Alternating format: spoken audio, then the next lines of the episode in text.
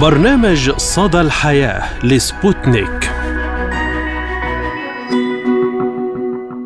مرحبا بكم مستمعينا الكرام في حلقة جديدة من برنامج صدى الحياة أقدمه لكم اليوم أنا عماد فايلي نتحدث اليوم في موضوعنا الرئيسي عن موضوع تعدد الزوجات في المجتمعات العربية وغيرها ونناقش السلبيات والإيجابيات لهذا الموضوع من الناحية الاجتماعية والطبية كما نتحدث عن مواضيع أخرى متنوعة.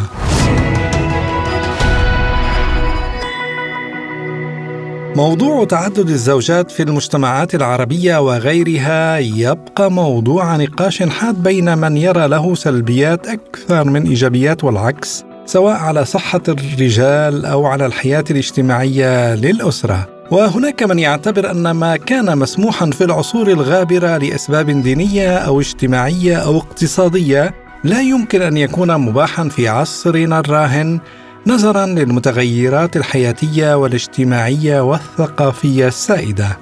كما أن مسألة تعدد الزوجات من المسائل الشائكة التي أثارت جدلا كبيرا وما زالت تتعلق بحقوق المرأة في الدول الإسلامية على الخصوص بهدف تسليط الضوء على التطور الذي طرأ على التشريعات الأسرية في تلك الدول بقصد التقييد من هذه الظاهرة بوضعها تحت رقابة القاضي.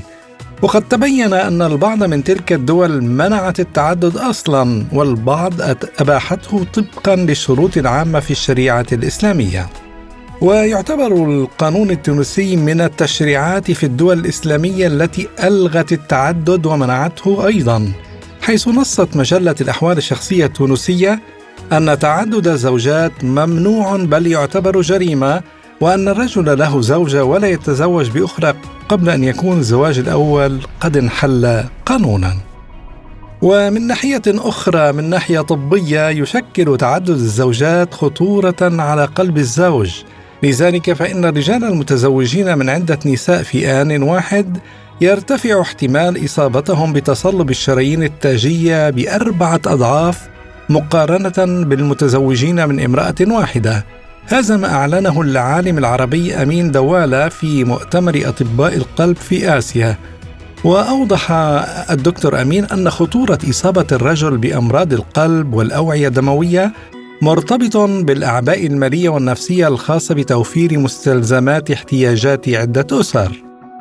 ومن جهة أخرى تفيد المعطيات البحثية حول آثار تعدد الزوجات على الصعيد الصحي والاجتماعي فحسب دراسة سعودية منشورة في صحيفة سعودية عن تعدد الزوجات وخطر الإصابة بأمراض الشريان التاجي عند الرجال الذين يخضعون لتصوير الأوعية الدموية وهي دراسة رقابية بينت أن تعدد الزوجات رفع نسبة الإصابة بأمراض القلب والشرايين بأربعة أضعاف ومزيد من مشكلة القلب مجددا بسبب التوتر والضغوط بينما الزواج بواحدة يخفض فرص العمل بأداء أقل. كما تفيد دراسة سعودية أخرى عن تعدد الزوجات واثاره على الصحة والسعادة للأزواج وجدت أن الرجال المعددين عانوا بنسبة أكبر من العديد من المشاكل النفسية والتوتر والاكتئاب والهوس والوسواس القهري وإلى آخره ووصفوا وضعهم العائلي بأنه مليء بالمشاكل والزواج غير مرض وعلاقاتهم بأولادهم أكثر صعوبة بنسبة أكبر من المتزوجين بواحدة وبسبب كره الزوجة للتعدد فتهمل أولادها.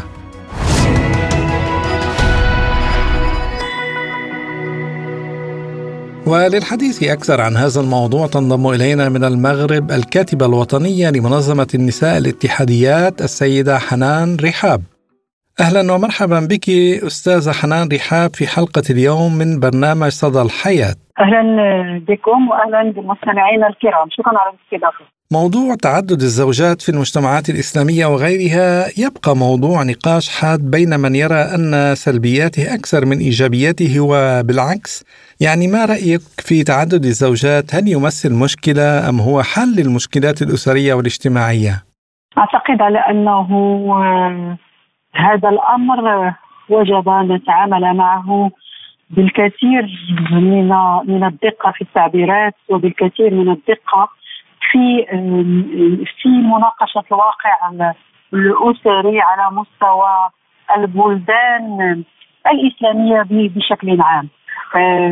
الأمر يتعلق اليوم ببلدان تطبق الشريعة الإسلامية وأخرى وهي كثيرة جدا تطبق القوانين المستمده من المواثيق الدولية ومن من دساتيرها ومن القوانين التي وضعتها. وأعتقد على أنه اليوم الوضع في في بلدان العالم الإسلامي هو وضع مفتوح على نقاش ايقاف إيقاف إيقاف إمكانية تعدد الزوجات أو تقييد هذه الإمكانية بما يمكن. أن يجعل منها حالة ما حالة آه، يعني صغيرة جدا داخل المجتمع وليس حالة مستشرفه وبطبيعه الحال فأنا أعتقد على أنه هذا الأمر آه، يختلف من مجتمع إلى آخر. آه، عندنا مثلا في المغرب الأمر لم يعد مطروحا بالشكل الذي هو مطروح في بلدان أخرى. إذ لا تمثل لا يمثل الابن بتعدد الزوجات 0. ما بين 0.20 و 0.34% من عدد طلبات الزواج المقدمة في المغرب وبالتالي أعتقد أننا مطالبين أن نسير نحو التقدم وأن نسير نحو نحو تطبيق المواثيق الدولية في هذا الباب ونحو إعمال مزيد من المساواة ما بين ما بين الجنسين المبنية على احترام آه، كرامة الجنسين وحقوقهما. أستاذة حنان يعني هل هناك قبول اجتماعي لهذه الظاهرة في المغرب؟ لا هناك قبول اجتماعي هذه هذه الظاهرة لا يعني هي ليست ظاهرة ولكن هذا هذا الأمر لا لا لا لا ينظر إليه نظرة سلبية عند عند عموم عموم عند غالبية المواطنين وعمومهم ولكن في نفس الأمر الواقع المادي والاجتماعي اليوم والاقتصادي في بلدنا لم يعد يسمح يعني أصبح لا لا يسمح نهائيا هذا الأمر وحتى الواقع القانوني الذي يضع شروطا كبيرة لتقييد آه، إمكانية تعدد الزوجات وبالتالي نحن اليوم آه، امام أمام أمامنا فرصة كبيرة لإلغاء هذه هذه الإمكانية بشكل بشكل كلي من القوانين المغربية. لكن من الناحية النفسية والإنسانية هل تستطيع أي امرأة تقبل أن يتزوج عليها زوجها؟ لا أعتقد أن الأمر سهل على على على على النساء، لا أعتقد أن الأمر سهل نفسيا ولا ولا يمكن تقبل بهذه السهوله السهوله تحت اي مبرر كيفما كان هذا المبرر. أظن أن الأمر ليس فقط في بلداننا بل حتى في في في في يعني في العالم كامل بمختلف الديانات والأعراق ومختلف الأجناس. هناك يعني لا يمكن أن تقبل المرأة بهذا الأمر أو يمكن لها أن تتقبله يعني اضطرارا ولكن أن تقبل به عن طواعيه الأمر يحتاج آه، يعني لا لا مبرر له. أعتقد انه يتسبب في العديد من الآثار النفسية آه، الصعبة. أغلبها مسكوت عنه في مسكوت عنها في تحليل هذه الظاهرة. وللأسف نرى أن بعض بعض الدراما العربية مثلا في شهر رمضان كرست هذا الأمر من خلال آه، بعض بعض بعض المسلسلات التي اعتمدت على تعدد الزوجات كصيغه كصيغة كتيمة للدراما وتيمة للتطور الدرامي داخل مسلسلات معينة والأمر لم يكن لم يكن جيدا في تناول هذه الظاهرة ولم يكن آه، له له نهائيا الاثر الأثر الوقائي والاثر الأثر الذي يمكن أن يساهم بشكل ايجابي في الحد من هذه الظاهرة. آه، أستاذة حنان يعني هل أن التعدد مطروح كحل يجب اللجوء إليه عند الضرورة؟ آه، هناك لا, لا أخفي عليك هناك هناك بعض الحالات وهي نادرة جدا التي يمكن التي يمكن من خلالها أن يناقش هذا الأمر. عندما يتعلق يناقش من هذا الأمر وهذا ما يدفع به بعض المدافعين على استمرار مثلا آه على استمرار تقييد هذا ال هذا ال هذا ال هذه الإمكانية بشروط في القانون المغربي مثلا. هناك مثلا من يقول عندما تكون المراه لا تلد أو عندما تكون الزوجة لديها صعوبات آه، يعني جسدية ولا مرضية واضحة للعيان والرجل لا يريد أن يتخلى عنها ويفضل أن يتزوج بثانية وتبقى هي تحت تحت رعايته وتحت وتحت يعني رعايته وزوجة له في إطار المحبة والمودة وغير ذلك.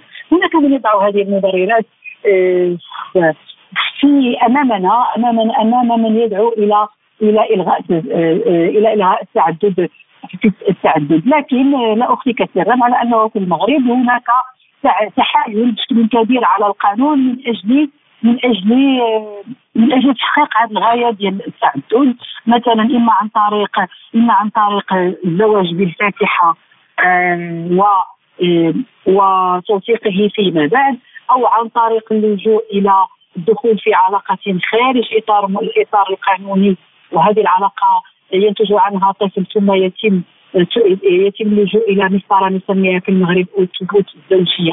أي ثبوت الزوجيه عن عن طريق إما الحمل أو أو الإنجاب وبالتالي يصبح للرجل زوجتين في نفس في نفس الأمر. أو آه، إعمال مساطر مسطرة أخرى هي مسطرة مسطرة أن الزوج الذي يرغب في زوجته ثانية يبلغ الزوجة الأولى بشكل أو بآخر عن رغبته و آه، يعني عن رغبته وهي توافق كذا. يعني كما أمور يتحايلون بها قانونيا لاستفادة من هذه الانسانيه لكن بشكل عام بشكل عام المشكل لم يعد مطروحا بشدة كبيرة داخل المجتمع المغربي. قلت نسبته ما بين 20 34 0.20 أو 0 والى 0.24 من الحالات إذن الزواج الموجودة آه، في آه، المغرب. وشنو أظن على أنه داخل كل المجتمعات نقاش فتح قبل سنين داخل تونس مفتوح في مصر ومفتوح في المغرب. وفي دول أخرى والامر أمر هذا النقاش مفتوح مثلا في هذه الدول وفي دول أخرى ومفتوح من وجهه على مستويين على المستوى المرتبط بما هو بما هو شريعة إسلامية وفي قراءة لنصوص القرآن ومفتوح أيضا على مستوى الآخر مستوى مدى تطبيق هذه الدول وغيرها لالتزاماتها الدولية في باب المواثيق الدولية آه، الإنسانية. وبالتالي أعتقد على أن كل ما تطور النقاش وكل ما فتحنا النقاش حول هذه الملفات والملفات الأخرى التي قد نعتبرها طابوها داخل مجتمعاتنا المجتمعات الإسلامية يمكن أن آه، تتضح الأمور بشكل أكبر في مجال آه، طبيعة العلاقات التي نريدها لمجتمعنا والتي نريدها علاقات مبنيه على المساواه وعلى الحقوق الإنسانية الكاملة على احترام الحقوق الإنسانية الكاملة للنساء وعلى التوازن الأسري الذي يحمي الأسرة بشكل عام ويحمي الأطفال إن كانت إن كانوا كانوا أطفالا في الأسرة. أه، استاذه حنان يعني يعتبر القانون التونسي من التشريعات في الدول الإسلامية التي ألغت التعدد ومنعته أيضا بل اعتبرته جريمة يعاقب عليها يعني هل يمكن أن يكون مثل هذا القانون التونسي الحل لكل المجتمعات الإسلامية برأيك؟ لا لا لا أعتقد على أنه هو الحل بكل المجتمعات الاسلاميه، أعتقد على أنه فروض. كاين هناك خصوصيات. هناك خصوصيات من مجتمع إلى آخر. والمجتمعاتنا لتقبل لتقبل لتقبل بإلغاء التعدد. آه، هنا نحتاج إلى تدرج. بكل وضوح نحن نحتاج إلى تدرج في هذا في هذا الأمر. هذا التدرج يبنى على اولا آه، تكوين وتاطير وتحديث لمواطني هذه المجتمعات بالسلبيات وايجابيات هذه العلاقات هذه العلاقات المتعددة وسلبياتها كبيرة جدا. بالتحديث والتكوين في في كيف يمكن أن نبني أسر متوازنة كيف يمكن أن نبني مجتمعات مبنية على المساواة وعلى حقوق الإنسان. وبالتالي التدرج في اتخاذ التدرج في هذا الأمر مفيد جدا في المجتمعات لأنه العلاج بالصدمه لا يؤدي لا يؤدي بشكل أو بآخر إلى النتائج التي نرجوها. في المغرب كان لدينا التعدد مسموح به ثم لجأنا إلى تقييد هذا التعدد بشروط هناك بعض الحالات التي يتم التحايل بها على على على هذا الأمر من طرف من طرف البعض ولكن الواقع الاجتماعي والاقتصادي يجعل من هذا اللجوء إلى مسار التعدد هو لجوءا نادرا وضئيلا جدا. وأعتقد على أن تلك منهجيه التدرج في مجتمعات أخرى مساعدة بشكل بشكل كبير.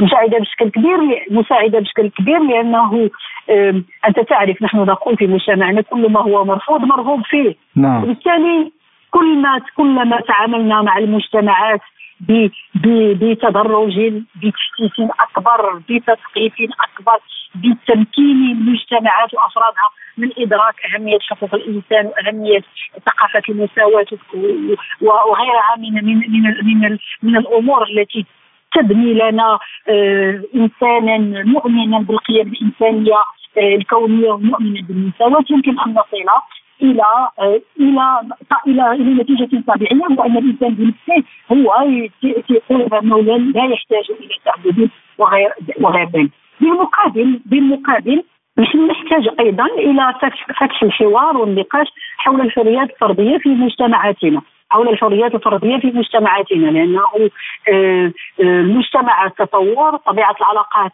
تتطور آه،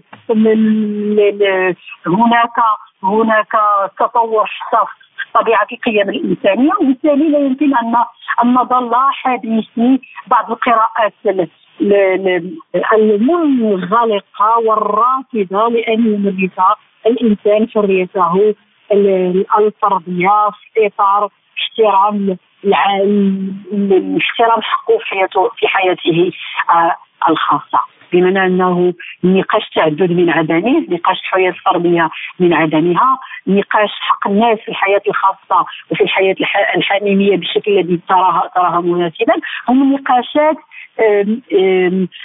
يجب أن نفتحها بشكل بتدرج بواقعية أكبر وبامكانيه وبتسامح بثقافة التسامح يعني رحبة وأيضا بالإنصات لبعضنا البعض وباستفاده من تجارب المجتمعات الاخرى يعني قريبة منا تطورت واستطاعت أن تنتج لنفسها مجموعة من من من من من, من الآليات آه، الأسرية التي آه، من خلالها يتقدم المجتمع يتقدم الإنسان وتحميه من مجموعة من الآثار النفسية التي تنعكس على نفسيته وبالتالي تنعكس على محيطه وبالتالي تنعكس على المجتمع.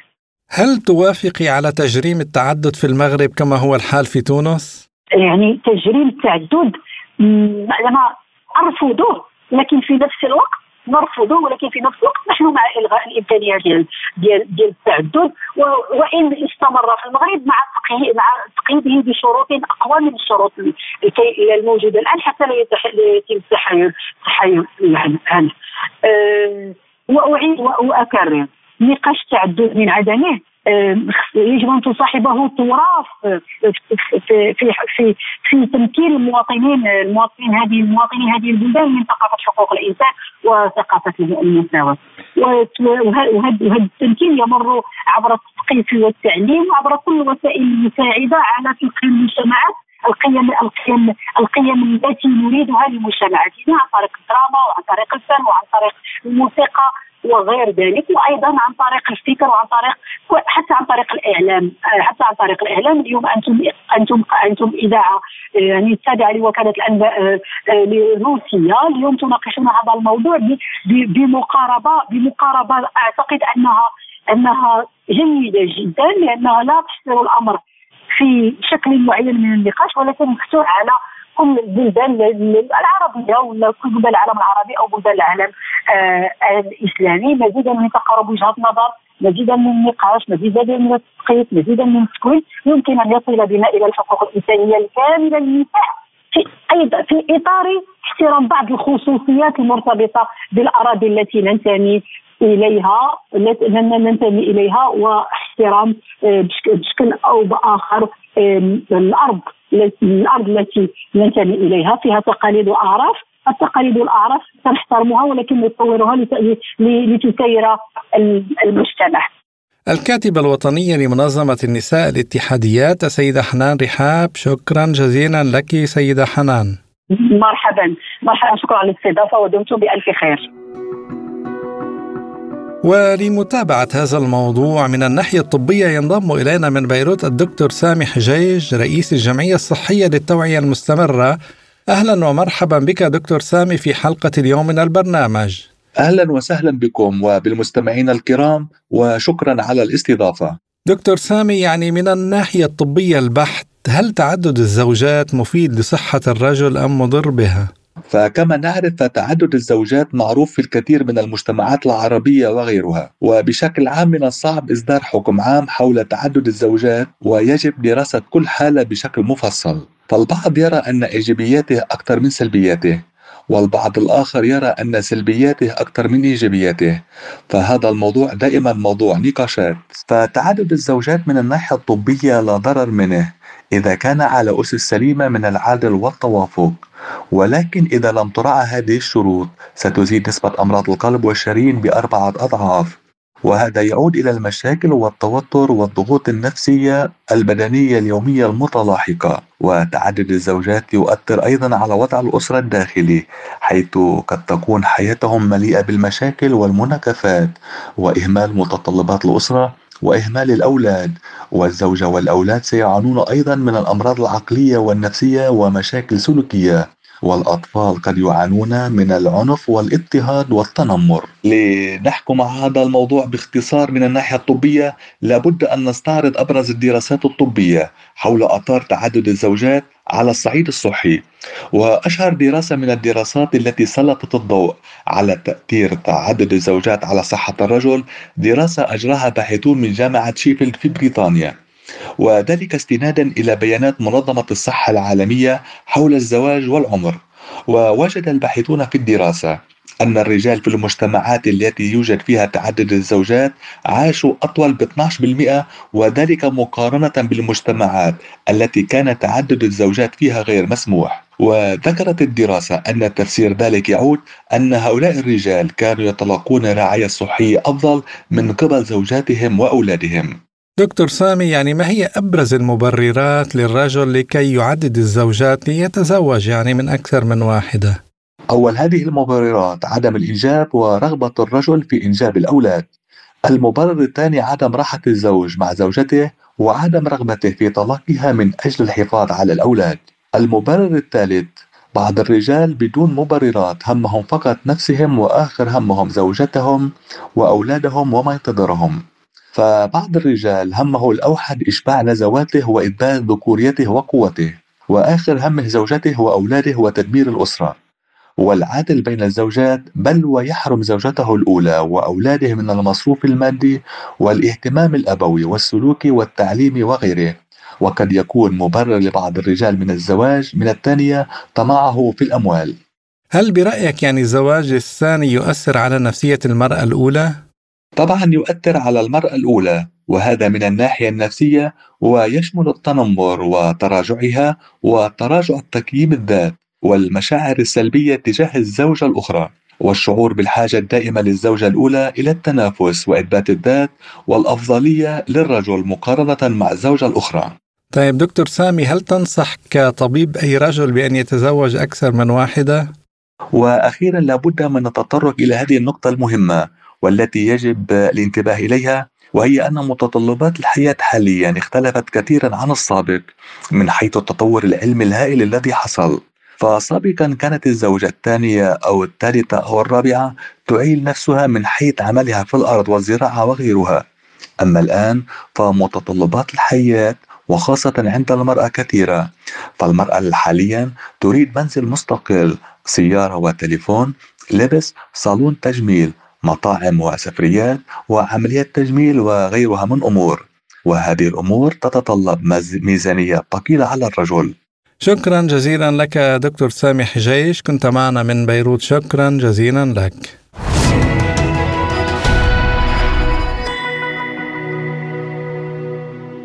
ونتابع مستمعينا الكرام حلقة اليوم بأخبارنا المتنوعة والخبر الأول من روسيا. بعنوان مهرجان الطريق إلى يالطا بوابة إلى الثقافة والتاريخ الروسي. يعقد مهرجان الموسيقى الدولي السنوي الطريق إلى يالطا هذه السنة في الثاني من شهر مايو أيار ويعرج المهرجان على أفضل الأغاني عن الحرب الوطنية العظمى مألوفة لدى الجميع منذ الصغر. لشخص يعيش في روسيا سيتم سماعه بلغات شعوب العالم. والهدف الرئيسي للمهرجان هو جذب الانتباه والاهتمام للموسيقى والثقافة الروسية والترويج لأفضل أعمال الأغنية السوفيتية والروسية وتعريف الجمهور الأجنبي بتقاليد روسيا الموسيقية والتاريخ الروسي. وكذلك إعطاء الصورة الحقيقية للجندي السوفيتي والروسي واستعادة الذاكرة التاريخية للدور الذي لعبه الشعب السوفيتي في النصر. وخاصة الجيش الأحمر والشعب الروسي لإنقاذ أوروبا والعالم بأسره من بطش الفاشية. ويشارك في المهرجان فنانين أجانب أرسلوا طلبا للجنة المنظمة الطريق إلى يالطا وتنظم مسابقة تحت إشراف لجنة التحكيم لاختيار الفائزين في النهاية. ومن المتنافسين الذين يشاركون في المهرجان فنانين من إيطاليا واليونان وألمانيا والمكسيك ومن الدول العربية على غرار عماد الدين مدادي من الجزائر بأغنية تحت عنوان سولديه مارش أو أيها الجنود إلى الأمام. وإلى الخبر التالي مسرح الفن الرقمي في دبي يقدم عرضا للرسوم المتحركة الروسية وسيبدأ في الأول من مايو أيار في دبي عرض الرسوم المتحركة الروسية المستوحى من فيلم الكرتون الروسي مونسيكي أفادت بذلك الخدمة الصحفية لشركة سيوز مولتفيلم الروسية للرسوم المتحركة وجاء في بيان أصدرته الشركة أن مسرح الفن الرقمي في دبي يبدأ في عرض الرسوم المتحركة الذي تم إعداده على أساس مسلسل الرسوم المتحركة مونسيكي من إخراج شركة سيوز مولتفيلم الروسية. يذكر أن فيلم الكرتون المونسيكي يساعد الصغار والكبار في الاطلاع على عالمهم الداخلي ويعتبر هذا المشروع ملحا لعصرنا الذي يتميز بالذكاء العاطفي. وقالت رئيسة مجلس الإدارة في شركة سيوز مولتفيلم يوليانا سلاشيفا يسعدنا أن مسلسل الرسوم المتحركة لقيت ردود أفعال في دبي بصفتها مدينة تتميز بتقنيات عالية مع العلم أننا نحرص دائما على التعاون مع البلدان العربية. ويذكر أن مسلسل الرسوم المتحركة مونسيكي تم تصويره بالتعاون مع دار السينما أونلاين وبدأ عرضه على الشاشات الروسية منذ عام 2018 أما فكرة المسلسل فتمت صياغتها بالتعاون مع المتخصصين النفسانيين وقد تم إلى حد الآن إطلاق موسمين من المسلسل المتكون من 52 حلقة. وإلى خبرنا الأخير حيث أعلن مركز القبة السماوية الفلكي في موسكو أن منصته الفلكية المخصصة لمراقبة الشمس والنجوم ستستأنف عملها مطلع مايو أيار وجاء في بيان صادر عن المركز يستأنف مركز القبة السماوية في موسكو العمل في منصة سكاي بارك المجهزة بأدوات المراقبة للشمس والنجوم المنصة ستكون متاحة للزوار اعتبارا من الأول من مايو أيار بعد أن أغلق هذا الموقع في فصل الشتاء كون المعدات الموجودة فيه غير مخصصة للاستخدام في الأوقات الباردة. والقبة الدوارة في هذه المنصة تعمل في الفترات الدافئة من العام موسم مراقبة الشمس والنجوم. سيفتتح هذا العام في الأول من مايو أيار. وتوجد المنصة الفلكية على سطح متحف نوناريوم التفاعلي في مركز القبة السماوية في موسكو وتستقبل محبي مراقبة السماء والنجوم منذ العام 1947 وخلال تحديثها في الفترة ما بين عام 1994 و 2011 حصلت المنصة على العديد من الآلات والمعدات الجديدة وتوسعت قائمة المعروضات الموجودة فيها. إلى هنا مستمعينا الكرام تنتهي حلقة اليوم من البرنامج شكرا لإصغائكم وإلى اللقاء.